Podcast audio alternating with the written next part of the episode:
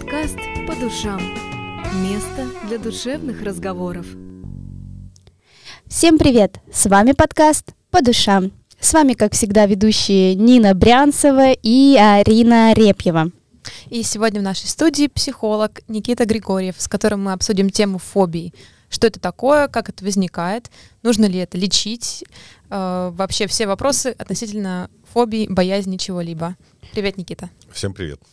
Тема действительно сегодня будет такая достаточно интересная, потому что, насколько я понимаю, да, насколько мое мировоззрение мне позволяет понимать, ощущение того, что фобий существует неограниченное количество, оно как-то настораживает. Ну, то есть вообще как, как с этим справляться и насколько вообще есть шанс справиться с этими фобиями. Вот это тоже интересно разобрать. Ну и опять же нужно понимать, что фобия, а что просто какая-то реакция на что-то реально страшное. Потому что, насколько я понимаю, фобия — это ну, когда у тебя возникает страх по поводу чего-то, что, в принципе, это пугать не должно, что mm-hmm. не представляет реальной опасности, правильно? Ну, у меня сразу длинный mm-hmm. ответ на это okay. есть. Давай, давай. Ну, например, вот опять же, эм, страх крови. Угу. Я сразу скажу, их настолько много, я их прям не, не буду называть по этим названиям. Да, да, да, да, да. Какие-то не помню, будем говорить, использовать слово страх. Страх крови. Это нормально или нет? Опять же, я всегда отталкиваюсь от того, что мы результат эволюции. Mm-hmm. Если представить, что человек в дикой природе игнорирует тот факт, что у него вдруг что-то ярко-красное на руке появилось, большой шанс, что у него будет заражение крови, mm-hmm. смерть, и такие люди просто не выживали. До mm-hmm. 21 века дожили те, у кого, опять же, биологически, генетически, подсознательно есть какие-то предварительные настройки, те же самые страхи пауков, грызунов, крови, там, змей, высоты и так далее — с биологической точки зрения mm-hmm. это нормальные страхи. Mm-hmm. Вот. Но эм, мы вроде как оказались, опять же, в этом 21 веке, у нас тут цивилизация, и, казалось бы, чего нам тут бояться? И мы начинаем называть какие-то вещи фобиями, которые, в принципе, с биологической точки зрения, ну, еще раз повторюсь, в принципе, абсолютно нормальные, адекватные страхи. Угу. Так. Так. Mm. Вот, поэтому вот э, страх, фобия или не фобия, реакция. Вот некоторые говорят, так вот, а как мне не бояться, как быть смелым? Те, кто не боялись, умерли. Ну, так что лучше бойтесь. Страх — это ваша страховочка. Именно, вот хорошая фраза. То есть страх — это абсолютно здоровая, нормальная реакция. Другой вопрос, что если она мешает жить, то тогда уже с этим нужно искать, что делать. Потому что некоторые говорят, вот, опять же, приходит клиент, говорит, я боюсь крови. Ну, окей, так а вы медиком работаете или зачем вам бороться с этим страхом, когда вы в последний раз кровь вы видели? И выясняется, что, ну, да, бывает, ну, в быту где-то порезался, угу. или там нужно где-то анализы сдавать. Это, ну, может быть, раз в год. Так. Ну, так а может, ну, что, нам целый год ходить к психологу, чтобы подготовиться к этому. Но смотри, есть же все-таки какая-то грань. Страх или фобия. То есть mm-hmm. фобия — это когда ты вот прям до жути боишься. Ну вот я на себе примериваю, э, примеряю. А, у меня дикая боязнь пауков, и я вот, ну, как бы по-другому, как это именно фобией назвать не могу, потому что когда я вижу, что я испытываю, это я замираю, mm-hmm я не знаю, что мне в этот момент делать, я боюсь пошевелиться, меня окатывает холодный пот. Uh-huh. А есть уже просто страх. Ну, то есть, допустим, высота. Uh-huh. У меня нет а, такой панической атаки, когда я вижу, типа, там вот стою на, на каком-то краю, не знаю, невысокого моста или еще что-нибудь. А, но все равно страх того, что... А вот как... будет такая реакция, как на волков. Вот, uh-huh. где вот эта грань страха и фобии. Вот. Окей, ну, совершенно верно. Все-таки грань есть. То есть раз мы используем термин mm-hmm. страх и фобия, их э, различают. И страх — это те же самые неприятные эмоции, которые мы, в принципе, можем контролировать своим рациональным э, разумом. Mm-hmm. То есть я знаю, что, ну, не знаю, те же самые там анализы люди боятся брать, но это нормально, что мне неприятно, что мне какую-то там иголку в вену вводят, например, yeah. условно говоря. Но... Эм, если я через эту процедуру могу спокойно пройти, то да, это страх, это неприятно, это нельзя назвать фобией.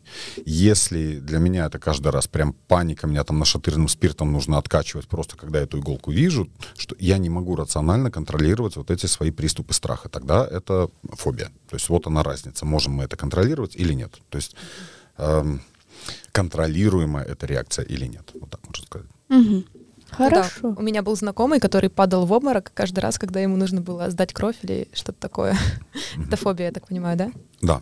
Но фобии конкретно, я так понимаю, мешают жить человеку. То есть страх, он все-таки спасает нас, а фобия, она конкретно, ну, мешает. Те же самые анализы сдать. Но это же необходимо для того, чтобы убедиться, чтобы, что с твоим здоровьем Ну все, да, время времени все, нормально. Те же самые пауки, да, как бы вот э, представим, что у меня вот рождается ребенок. Мгм.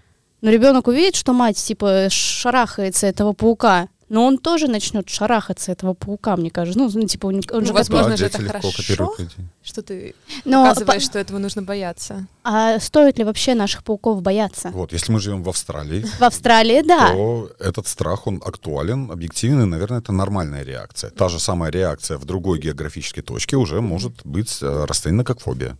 Может мешать жить. Ну вот, допустим, у нас в. Эстонии, как бы у нас таких прям смертельно ядовитых пауков, их нет. Мы говорили уже с тобой на Да-да-да. других подкастах о том, какие у нас пауки существуют. Ну то есть и ребенку нет смысла приобретать этого страха.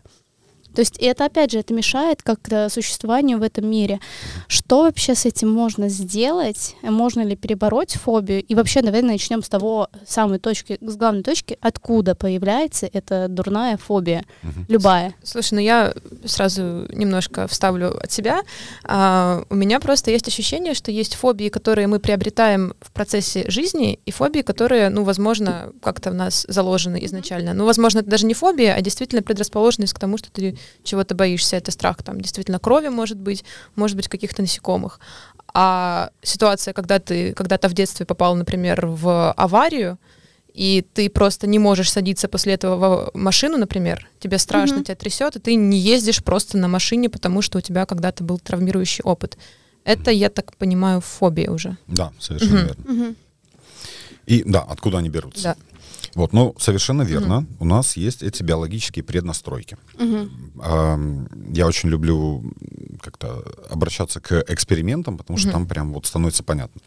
И был такой интересный эксперимент. Взяли прям вылупившихся цыплят. Мгм. То ли прям этих цыплят, то ли утят, ну, птенцов каких-то. И вот сразу после момента вылупления над ними был такой экран, на который прои- проецировали тень ястреба. Ее двигали слева направо, и тогда -то там вот прям виден контур вот этого летящего ястреба.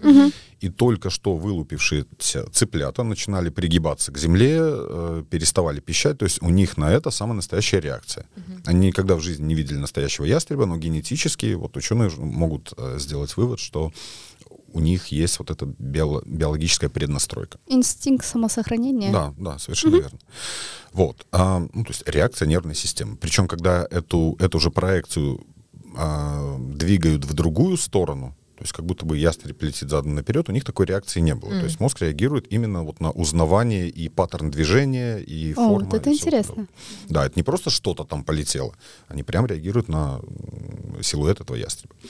Вот, и это говорит нам о том, что у нас действительно генетически, ну, у животных, у людей, у млекопитающих, есть вот эти вот преднастройки. Есть, опять же, вот эти мемасики, где коты боятся огурцов.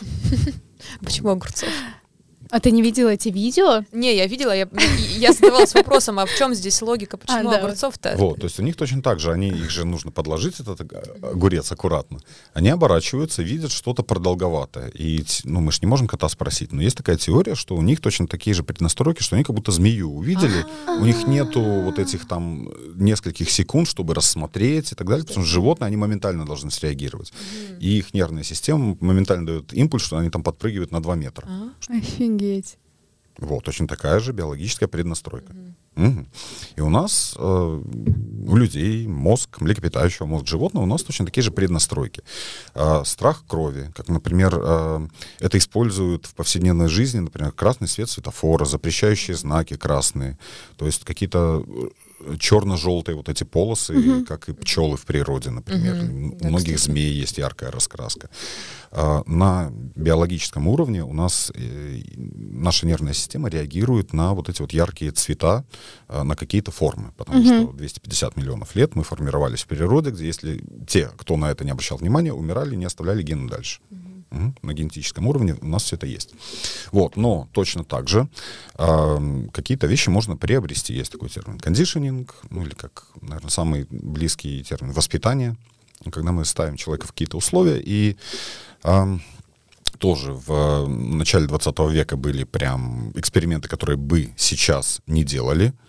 То есть э, давали маленькому ребенку мягкую игрушку. Каждый раз, когда он начинал играть с этой игрушкой, били в такой металлический гонг, создавали очень неприятный звук. Ребенок начинал плакать. И через какое-то время, когда ребенку уже без этого звука просто дают игрушку, один только вид этой игрушки вызывает у него приступ истерики. Вот, пожалуйста, с, созданная искусственно фобия. Бедный ребенок. Вот. Ну, сейчас, Кстати. понятное дело, уже более не... этично да, делать, да, да, да, вот, да. многие вещи, которые мы понимаем про людей, к сожалению, к нам понимание пришло из-за таких нечеловечных экспериментов. Вот. А, то есть, помимо генетических, биологических преднастроек, есть какие-то вещи, которые можно э, сформировать. И, к сожалению, то, как э, многие родители э, воспитывают детей, они как бы предрасполагают людей к фобии. Например, э, социофобия, угу. боязнь людей, то есть боязнь поговорить, высказать свое мнение, вплоть до... Публичные mm-hmm. вот эти выступления говорят, что они сродни страху смерти. То есть после страха смерти они там на втором месте. Вот.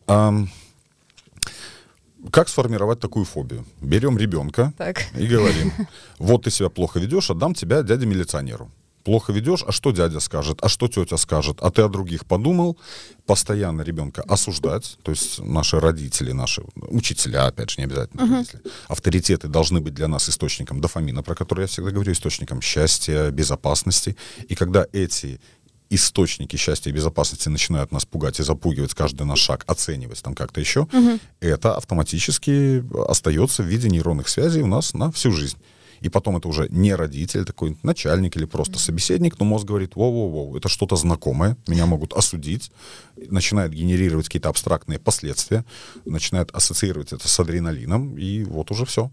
У нас уже там пот, мы парализованы, руки трясутся, а человек не понимает, что, что с ним такое. Обалдеть. А вот если говорить про страх, страх замкнутого пространства, вот именно то, вот, да, именно про клаустрофобию. Э, есть же такое, что ты даже не оказываясь э, в каком-то замкнутом пространстве, увидев по телевизору, что кто-то лезет в пещеру, а там типа проход ровно такого размера, как человек, uh-huh, uh-huh. и человек смотрит просто это видео, и у него уже вот здесь угу. задыхаться начинает от того, что ему дико дискомфортно. Откуда тогда вот этот страх берется? Ну, окей. А, без всякой клаустрофобии есть такие сцены, которые не только детям до 18 нельзя смотреть, но и взрослым не рекомендуют смотреть, потому что ну, плохо может стать. Сейчас ну, много таких. Некоторые специально смотрят, побаловать себя, пощекотать нервы. Вот. А, то есть наш мозг, в принципе, не видит разницы между реальностью угу. и какой-то виртуальной картинкой. Угу. У нашего мозга точно такие же эмоциональные реакции. Опять же, банальный пример. Вот стоит сходить э, на какой-нибудь хороший фильм. Фильмы так делают, что там вот какая-то развязка, музыка, и прям внутри все сжимается, и слезы текут. Прям а, вот пиксаровские там мультики отличные. Да. Я прям не могу без эмоций смотреть. Вот. Наш мозг реагирует на изображения, как если бы они были в реальности. Угу. Вот. Если у человека есть эта фобия, предрасположенность, повторюсь, мозг автоматический орган, он автоматически за нас что-то додумывает. Всегда говорю, вот собака бежит, она еще не добежала, у меня уже там адреналин, я уже чувствую, что меня едят. Может, он действительно мимо пробежит, но мозг заранее прогнозирует на всякий случай ситуацию, потому что, опять же, те, кто 10 тысяч лет назад на них вышел волк, а он такой, а вот он укусит меня за шею, вот тогда и буду бояться. Ну, к чему это дело? Понятно, к чему. Наш мозг так устроен, что он наперед прогнозирует. И этот мозг, этот автоматический орган, мы не можем контролировать, мы не можем его попросить, а давай-ка ты, мозг, не думай, а что, если я окажусь в этой пещере? А как я буду чувствовать? Знаете, что мне сейчас пришло в голову? Так. Вот э, ты начал говорить ну. про вот, а вот если, и у меня сразу э, в голове типа история о том, что девчонки, они обычно такие наперед, а вот если он то, а если вот он это, и у них вот это начинается. Накручивание. Да, да, да, да, да, да, да, да. Вдруг а он вдруг? не изменяет, а что тогда делать? Так и есть. У нас есть прям а, неокортекс, кора головного мозга. Задача этой части мозга светить в будущее с дальним светом. Продумывать, а что если? Вот вся эта тревожность, а, беспокойство, навязчивые мысли — это активность коры, которая, в принципе, создана природой, эволюцией для того, чтобы продумать будущее. Просто сейчас реальных проблем у нас нету, ну, проблем выживания. Поэтому, а мозг как-то работать должен. Поэтому он выхватывает какие-то идеи из повседневной жизни и начинает выполнять свою нормальную работу, генерировать невроз, но уже на ровном месте. Mm-hmm. Вот. И у женщин, на самом деле, это довольно активно развито, потому что э, девушки, женщины физически слабее, чем мужчины, им нужно было выживать, думая о будущем наперед, как А-а-а. я буду а. выживать там, как ребенок мой будет выживать, им нужно отказываться от еды в пользу ребенка и так далее, и так далее. Вот. И это одна из причин, а, ну, по крайней мере, есть такая теория, почему женщины, они постоянно, им все вот надо подтверждение, что все в порядке, что мужчина да. со мной. А у мужчин же, наоборот, у них этот социальный инстинкт часто больше развит. А, и для них, если мы вместе, то все понятно, что тут объяснять. Да, да, да. По-разному немножко работает мозг. Опять же, есть и мужчины более рациональные, и женщины более социальные. Но да. Вот, то есть наш мозг, э, его задача продумывать все наперед нормальная работа мозга. Причем мозг автоматически э, берет информацию, которую мы ему подсовываем, угу. и начинает ее крутить у себя в голове. Если мы будем подсовывать ему информацию, которая для нашего мозга уже как-то э, ассоциируется вот с дискомфортом, с паникой, если еще вокруг нас люди, вот э, опять же отдельно скажу чуть попозже про вот этот страх крови, как оно работает. Угу а если вокруг нас люди, добавляется мысль такая, что они обо мне скажут. Все нормально mm-hmm. сидят, а я тут паникую. А что, если дверь закрыта? А что, если я потеряю сознание? И вот это все за долю секунды, огромное количество мыслей, мозг не справляется, и действительно человек понимает, что он уже в панике. Mm-hmm. Mm. То есть оно как снежная, снежный ком начинает работать. А, пример со страхом крови. У меня прям был а, вот, молодой человек, клиент приходит со страхом крови, я его прям спрашиваю, так а вы с кровью работаете, что, как? Нет, он говорит, анализы нужно uh-huh. брать. Мы начали с ним разбираться, и в итоге он очень доволен остался. Выяснилось, что это не страх крови. Так. Это как, э, то есть страх крови это триггер, но если я здоровый бородатый мужик в кресле перед этой тетенькой потеряю сознание, она же обо мне подумает, что я и слабый, и меня придет... социофобия. Вот, то есть к этому прикручено на самом деле очень много других мыслей, которые мы даже иногда не идентифицируем. То есть мы обнаружили этот триггер. Вот я прихожу сдавать кровь, мне плохо становится.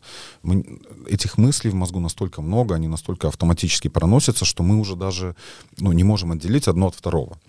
И когда мы понимаем, что, ну да, мне там неприятно и все вот это вот, а страх на самом деле, то есть мысли мои идут не в то насчет того, что у меня там кровь там, или что-то еще, а что я именно вот потеряю сознание, все а, центр этот остановит работу, все меня будут спасать, откачивать, мне будет неудобно.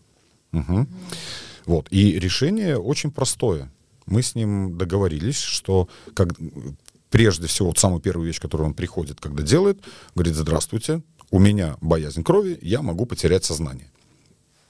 И когда он это заранее проговорил, его мозг не скатывается, а что если? Есть угу. уже ответ, что если я уже предупредил. Да. Я уже получил реакцию, женщина говорит, там, не волнуйтесь, у нас много таких, и человек спокойно может пройти через этот страх, не нагружая свой мозг дополнительными страхами.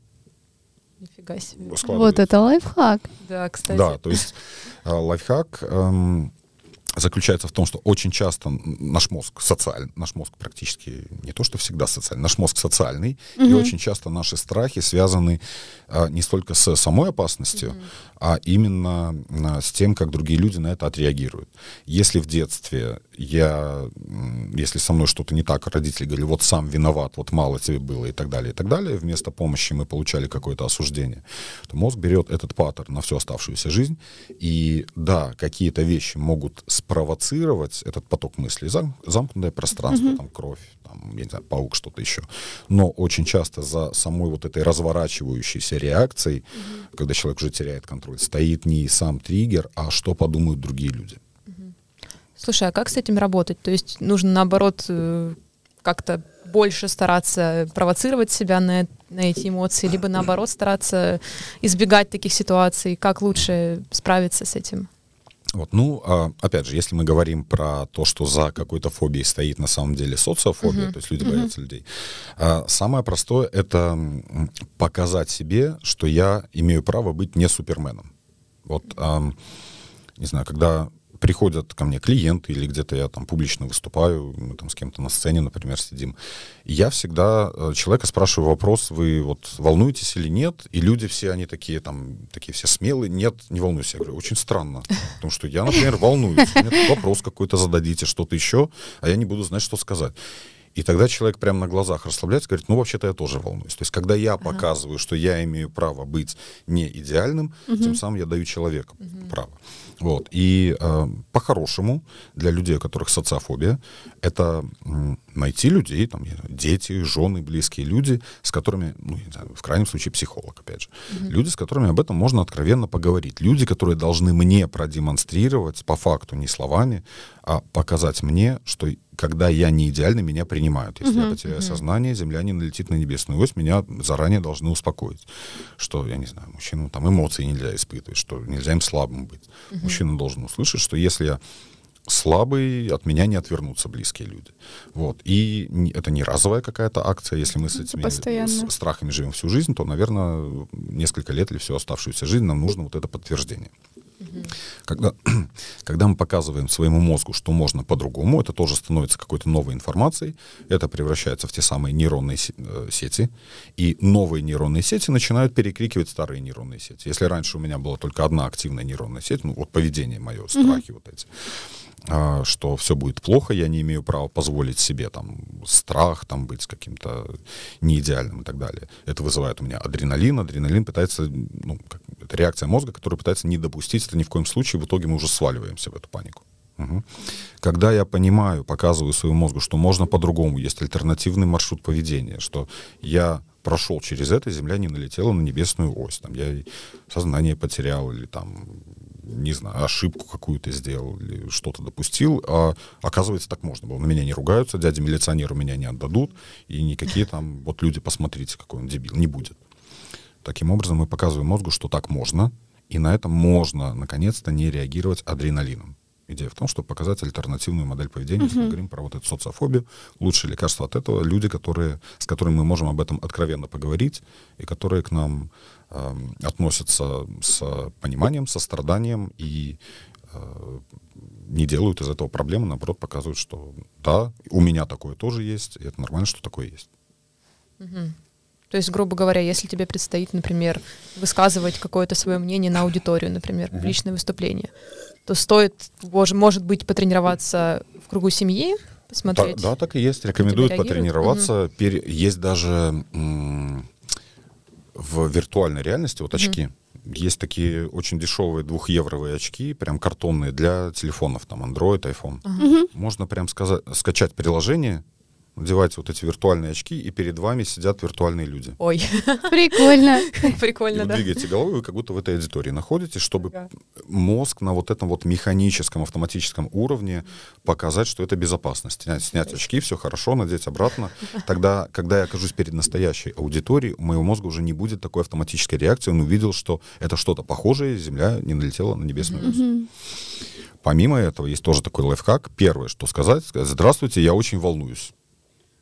Да, я слышала такую тему, что даже, э, ну, в целом не про страхи, а про, про, про публичные выступления. Mm-hmm. Мне мой знакомый, который как раз-таки, он очень много выступает э, на публике, он говорит, что даже если ты сделал ошибку, чтобы тебя не упрекнули в этой ошибке, ты говоришь, ой, а я тут ошибочку сделал, извините, пожалуйста. И продолжаешь дальше говорить. Ну, и все относятся с это, к этому не как... пытаться ее скрывать. Да, да, да то есть да. ты спокойно сам реагируешь на то, какой ты есть. И тогда люди также будут тебя воспринимать в ответ таким же нормальным человеком. И мне кажется, это такой интересный э, лайфхак, который, ну, действительно легко применить э, на своей жизни. Вот. Да, то есть никто не идеальный. С детства из нас воспитывают каких-то супергероев. Я говорю, нам нужно эти ковалентные связи, войну и мир наизусть, и что там. Я, кстати, так и ни разу не прочитала ее. Ну, я тоже. Вот, теперь можно. И ничего не случилось. Ничего не случилось. Даже не начинала. Я сказала, а ну мне нафиг надо. Ничего. Слушайте, ну мы разобрались вот со страхом перед, там, не знаю, публичным выступлением, там, порицанием и так далее. Здесь у нас, в принципе, все понятно, доказываешь себе, что ничего страшного не происходит как, каким-то образом, и все, живешь дальше. Практикой показываешь. Да. да. А если это, например, страх собак, например, угу. или страх там чего-нибудь такого, там, ос. Вот у меня Не у стоит подруги... же брать ос в руки, чтобы доказать себе, что все в порядке, потому что может же быть не в порядке. У меня у подруги страх, угу. э, прям конкретный страх или фобия собак. Uh-huh. То есть э, я помню, мы сидели как-то в гостях у другой девчонки, и у нее была маленькая собачка, то ли чихуахуа, то ли, ну, что-то маленькое прям uh-huh. совсем. и она залезла к нам на стол и села к Ой. ней на руки. Она сидит, она ничего сделать не может, и у нее просто начинают течь слезы. То есть у нее прям такая реакция. Это малюсенькая, милейшая собачечка была. И то есть такие ситуации происходят, и я понимаю, что это вау. Вот это Ну, то прям- есть эта собачка села ей на руки, ничего не произошло, но все равно она чувствует, что Да, и ужас. у нее не было в детстве, по-моему, такого, что на нее нападала А. собака или что-то такое. Вот просто у нее такой, такая реакция на Да, них. с этим нужно как-то работать, или, может быть, это уже какая-то другая стадия, может быть, это тревожное расстройство какое-то. У меня такая позиция, что э, с этим нужно работать, если это мешает Мгм. человеку. Потому Мгм. что, опять же, вот там, 21 век. У нас законодательно в общественных местах нельзя ходить с собаками там без Мгм. поводка. Это сделано для того, что, ну, потому что у меня собака лабрадорчик, он А. насмерть может только залезать. Он очень там, милый, он нос Приводи его в следующий раз к нам в студию. Да, он У нас есть дополнительный микрофон, посадим. Да. А, но а, если я в лифт с кем-то захожу или что-то еще, он, ну, он здоровенный, он мне ну, не по пояс, но по колено, он довольно крупный. И там и дети маленькие бывают. Я ж не могу каждому там объяснять, не бойтесь, он там не кусается. Я, это моя обязанность сделать так, Мгм. чтобы человек не, ну, чтобы не доставлять человеку дискомфорт. И это абсолютно нормальная реакция, что какое-то непонятное животное ко мне лезет. Человек же не может предсказать. Наш мозг предсказывает на всякий случай самое худшее. Мгм. Вот. Ам, так вот, насчет а, собак или вот этих там пчел и так далее. Есть вот фобии, которые на самом деле ну, абсолютно рациональные страхи, потому что пчела может укусить, у человека может быть а, как это называется, аллергия, вплоть до реанимации и все вот это вот. Так, а что мне делать, чтобы не бояться пчел? Так мне нужно бояться пчел, потому что если я не, не услежу, и меня укусит Ну смотри, а, здесь речь идет о том, что вот чтобы был этот рациональный страх, что я не трогаю их, они не трогают меня, я как бы стараюсь их э, избегать. Мгм. Но вот когда этот страх превращается в фобию, именно вот нереальное, которое, ну, ты себя не Парализующее. контролируешь, ты вот замираешь, я говорю, я на себе смотрю, это, ну, это такое как бы ощущение, что мозг вообще в этот момент отключается, и он не понимает, как ему действовать. То есть здесь речь именно не о том, что вот рациональный страх, да, чё- Объективный, скажем так, на который, который Да, нужно бояться. да, который А, вот, он опасный, я его не трогаю, он меня не трогает, все, мы расходимся. Мгм. А такого, чтобы вот именно вот фобия, которая тебя застает врасплох, Мгм. что вот именно с ней делать? Да, с этим тоже можно что-то делать. Да. Окей, да, вот э, я просто отметил, что да, есть страхи, которые актуальны, которые нормальны, но да, поговорим о вот этих вот, ну, нерациональных. Что с- маленькая это чиху- чихуахуа или кто там, собачка, она меня не съест, но у меня уже паника и все вот это. Да. Окей. О, тоже сейчас кинестетизация, что ли, не вспомню сейчас точно слово. То есть, и- но идея в том, чтобы постепенно сталкивать, осознанно сталкивать человека с причиной его страха. Опять же, простой пример. а, Есть вот это посттравматическое м, расстройство у людей, которые, например, вер- вернулись из войны, из Афганистана. Мгм. То есть э, там пули летают, то есть вот идешь и раз, и там товарища нету, а мог бы быть ты, это для психики огромный стресс. Да.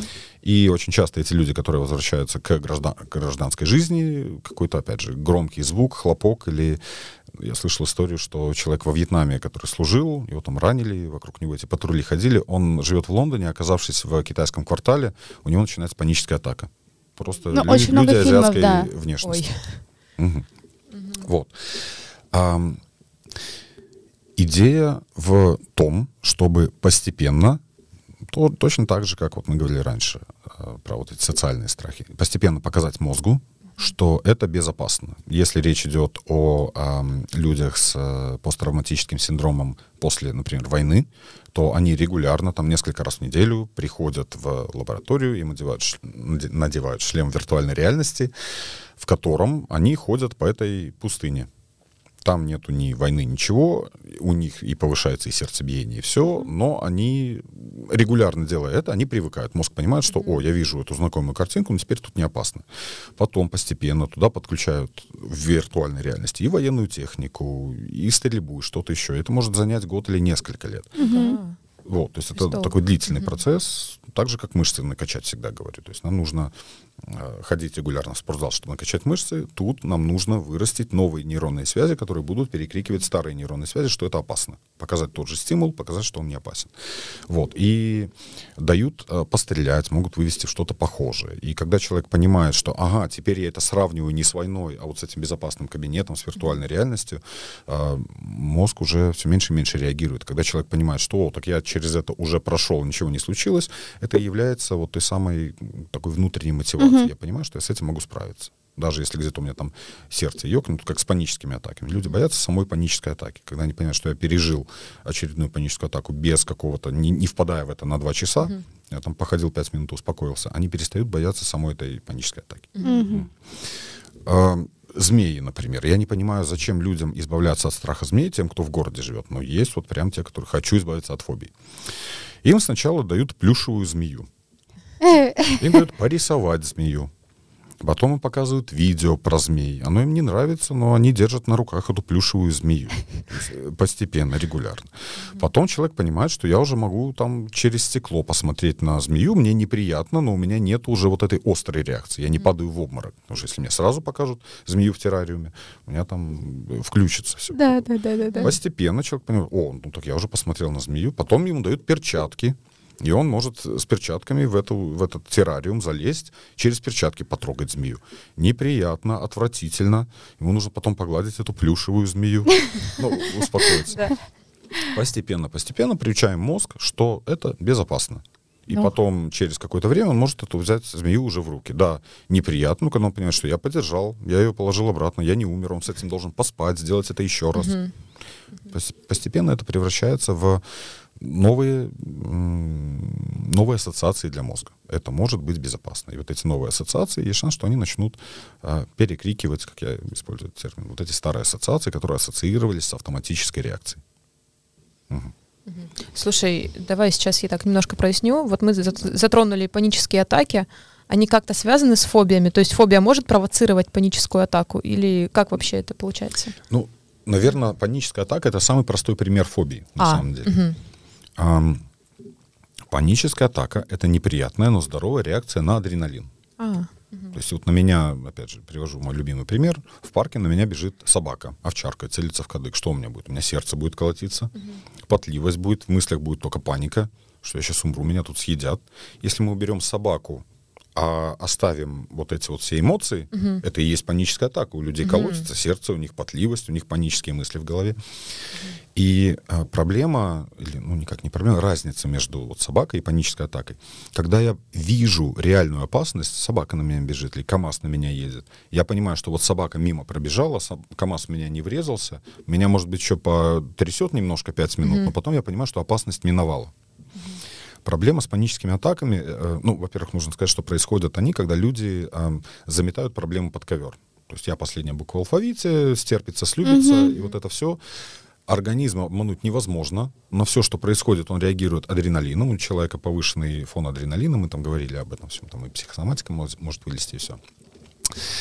И какая-то безобидная дополнительная вещь. Особенно часто бывает, когда люди ничем не заняты, и в этот момент мозг как раз начинает ну, крутить, переваривать mm-hmm. это состояние daydreaming, когда он начинает собирать пазлы у себя под капотом. И вдруг мозг понимает, что так-то в жизни у меня не все хорошо, на этом подсознательном уровне. В мыслях мы вроде не слышим этих, э, в сознании этих мыслей. И тут я понимаю, что что-то у меня сердце заколотилось. У меня какая первая мысль? Я же километр не пробежал, собака на меня не бежит, КамАЗ не едет. Что-то не так с сердцем. Какая реакция первая наша эмоциональная, что у меня что-то не так с сердцем? Страх, угу. у меня повышается адреналин, и я понимаю, что сердце колотится еще сильнее. Это буквально все за секунду происходит. Угу. Я понимаю, ой, а что-то я это не контролирую. Я понимаю, что я сваливаюсь в это состояние, что у меня сейчас сердце еще раз ударится, и я умру. Угу. И вот тут вот за две секунды наступает вот эта ужасная паника. Человек все еще не умирает, сердце колотится так, будто я 5 километров пробежал, да. а и только что все было нормально, а тут еще люди подходят, говорят, что с тобой, я сам не знаю, что со мной. И вот там скорая, ужасы вот эти вот все, и врачи скорые говорят, мы уже устали всем говорит, что у вас все в порядке, отдохните. Да, но я слышала такой лайфхак, что если у человека, не знаю, то ли я прочитала, то ли видео, ну, короче, просто запомнила, что вот э, если у человека начинается паническая атака, то дайте ему что-то холодное, чтобы он приложил куда-нибудь к себе, что его как бы вот эта тактильность, она вернет его обратно в сознание. Я не знаю, насколько Так это правда. есть, так и есть? да. Ого, это Есть интересно. много разных техник, там, э, в- вплоть- начиная от того, что в пакет подышать, как во многих американских Да, фильмах да, да. показывают, это действительно работает, это пом- помогает успокоить дыхание. А, Есть техника найти пять предметов разного цвета. А, Что-то потрогать, что-то понюхать, что-то попробовать, выпить стакан воды. То есть действительно переключить фокус мозга с вот этих мыслей, что со мной, что со мной будет, это опять же это мысли, которые уходят, уводят нас в будущее. Это мозг начинает продумывать, что, что я сейчас умру, я же счета не оплатил. А как, а как моим родственникам об этом сообщат? И это все вот за несколько секунд отвратительное состояние у меня самого были. Вот. А, да, четыре года мучился. Ну, давно еще. То есть тогда еще даже в Рунете было мало информации, это было в начале 2000-х. То есть мне самому приходилось справляться. Вот. Ам, способ зафиксировать мозг в настоящем моменте, э, единственная наша связь с настоящим моментом это восприятие через тактильность, через запах, через э, вкус, через визуальное вот, восприятие. И когда человек начинает э, переключать, он уже понимает, что а, у меня панические атаки, мне нужно к мозгу относиться как к автоматической машинке. Если я его не переключу на момент здесь, сейчас, мой мозг начнет раскручивать эту спираль, у меня же опять паническая атака, насколько она долго будет длиться, а у меня же там совещание или собрание, и опять я вот сколько, сколько это будет продолжаться. Когда человек понимает, что не это состояние управляет мной, а у меня есть инструменты управлять этим состоянием, человек перестает быть заряженный на паническую атаку. Он уже понимает, он понимает, что даже если это случится, у меня есть инструменты, чтобы с этим справиться. Потому что проблема панических атак, после того, как она впервые случилась, всю оставшуюся жизнь человек ходит и слушает свой организм, что где у меня там кольнуло, где у меня там что-то хрустнуло, потому что а вдруг опять случится, и человек уже ходит 24 часа в сутки заряженный этим адреналином. И стоит действительно где-то резко встал, голова закружилась, ой, сейчас начнется, сердце ёкнуло, точно, и погнали. Это запускает вот этот вот механизм. А вот момент, э, допустим, если я вижу, что человек э, находится в панической атаке, ну, то есть вот заметила, что иду по улице, вижу человека, ну, и я понимаю, что человек, ну, э, находится в этом состоянии, я как человек, который проходит мимо, могу ему каким-то образом помочь прийти в себя, либо он должен сам с этим справиться. То есть с ним вообще возможно в этот момент говорить, попытаться сказать, дыши, не знаю, вот он услышит это или все-таки... Помогает, когда кто-то находится рядом. Когда кто-то говорит, что я знаю, что с тобой это похоже на паническую атаку, но опять же, нужно понимать, что на самом деле симптомы панической атаки, они действительно похожи на э, сердечный приступ. Если человек не медик, там есть нюансы, там боль за грудиной там, или так далее, потому что э, вообще, вот медики говорят, мы, мы в нормальном состоянии мы не слышим это сердцебиение. Да? А паническая атака именно когда человек вот весь фокус на сердцебиение. И сам факт, что я услышал свое сердцебиение, часто триггерит эту паническую атаку.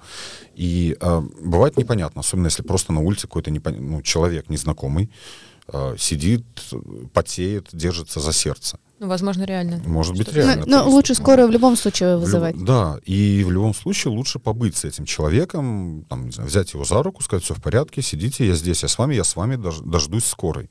Тут, э, тут идея даже не в том, что человек чувствует, что он не один, а что кто-то на его стороне, что его не осуждают, не проходят мимо, что э, ну, кто-то вместе с ним. И вот в этом emergency, в этом, как это сказать, паническом состоянии это лучшее, что может быть, не, не в зависимости, не- вне зависимости от того, у человека паническая атака, сердечный приступ, инсульт или что-то еще. Вот. А, Если это родной, близкий человек, и вы понимаете, что у него ам, регулярно происходят панические атаки, конечно же, об этом лучше ну, поговорить, чтобы все знали, что да, у меня есть вот такое вот свойство. Да, это ответственность этого человека походить к психологу, почитать литературу, что-то с этим сделать. А, Самое ну, как сказать, опасное, неприятное, когда у меня есть это состояние, и я боюсь им поделиться с близкими.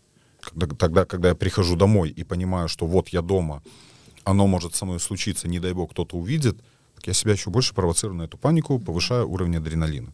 Точно так же, как с публичными выступлениями, там, с чем-то еще. Идея в том, чтобы показать себе сказать вслух себе и окружающим, у меня есть проблемы, я волнуюсь, я переживаю, у меня есть панические атаки, я не умею выступать на публику. И когда я услышу, что все в порядке, у нас тоже есть такие проблемы, мы с тобой, там, не знаю, публика мне похлопает, близкий человек скажет, что ничего страшного, там, я на твоей стороне, там, скажи мне, что делать. Это на порядок снижает вот, э, вот эту внутреннюю заряженность, в принципе, на, на панику, на угу. фобию. Социальность очень помогает, потому что мы социальны. И все время говорю, проблема в том, что в 21 веке сервисы заменили нам людей, мы разучились быть э, социальными. Нам кажется, что я буду неуместен, или там все справятся. Мы не можем, мы разучились об этом говорить. И это проблема. Сейчас все вот справляются сами по себе, читают статьи, ходят к психологам. А иногда достаточно просто иметь человека, с которым я могу поговорить о сложных вещах. Мне кажется, это такая хорошая точка в нашем подкасте сегодняшнем, и мы обсудили не только фобии, но и панические атаки, которые, мне кажется, на сегодняшний день, на сегодняшнее время, они как-то то ли Актуализировались. Они... Вот, так, да, да, что они стали на слуху у каждого, каждый понимает, mm-hmm. что это такое. Не каждый с этим сталкивался, но он знает о том, что есть такие э, вещи в этом мире. И мне кажется, мы еще поговорим угу. в следующий раз еще подробнее именно о панических атаках, потому что тема для нас очень, очень интересная. Я думаю, для наших слушателей это тоже. Да, это тот самый случай, когда предупрежден, значит вооружен. Да, да, да, да. И вообще я обожаю то, как Никита объясняет все не просто какими-то словами, да, а он объясняет, как это устроено в нашем мозгу, что это, это нормально, что мы все нормальные люди, и мозг каким-то образом пытается нас защитить. И вот прям, мне кажется, у нас очень хорошо получилось сегодня. Да, поэтому слушайте нас. Слушайте нас, э, подписывайтесь на Никиту, смотрите его YouTube, там можно встретить нас. Иногда. Иногда. Да, ну сегодня без видео, ну да. Не все потеряно. Вот. Хорошо, спасибо, что приглашаете. Я всегда очень рад поделиться для меня тоже интересный опыт. И многие люди, я вот прям скажу, некоторые прям записываются, а потом звонят, говорят, извините, мы вынуждены отменить, мы посмотрели ваше видео и все поняли. А. Почему бы нет? То есть мне тоже нужно отдыхать иногда. То есть мы вредим бизнесу? Нет, ну для этого мы и делаем, потому что сейчас и психологи, и психиатры не справляются, у всех там большие записи, иногда достаточно просто получить какую-то информацию и понять, что, а, вот как оно, вот как с этим можно работать. Потому что когда человек приходит на э, там, прием, это, в принципе, то, как мы с ним общаемся. Мне нужно объяснить про мозг, про какие-то инструменты, дальше мяч на стороне клиента. И, собственно, делаем мы для того, чтобы люди могли как-то, ну, во-первых, понять, что психологи это не страшно, что у всего есть какое-то ну, решение, объяснение, и, и да. Пытаемся сделать жизнь лучше. Да, спасибо, Никита, и спасибо нашим слушателям за то, что были с нами. А, наши подкасты вы можете послушать на всех удобных для вас площадках. А с вами, как всегда, были наши Нина Брянцева и я, Арина Репьева. Услышимся. Услышимся. Пока. Всем пока. Подкаст по душам. Место для душевных разговоров.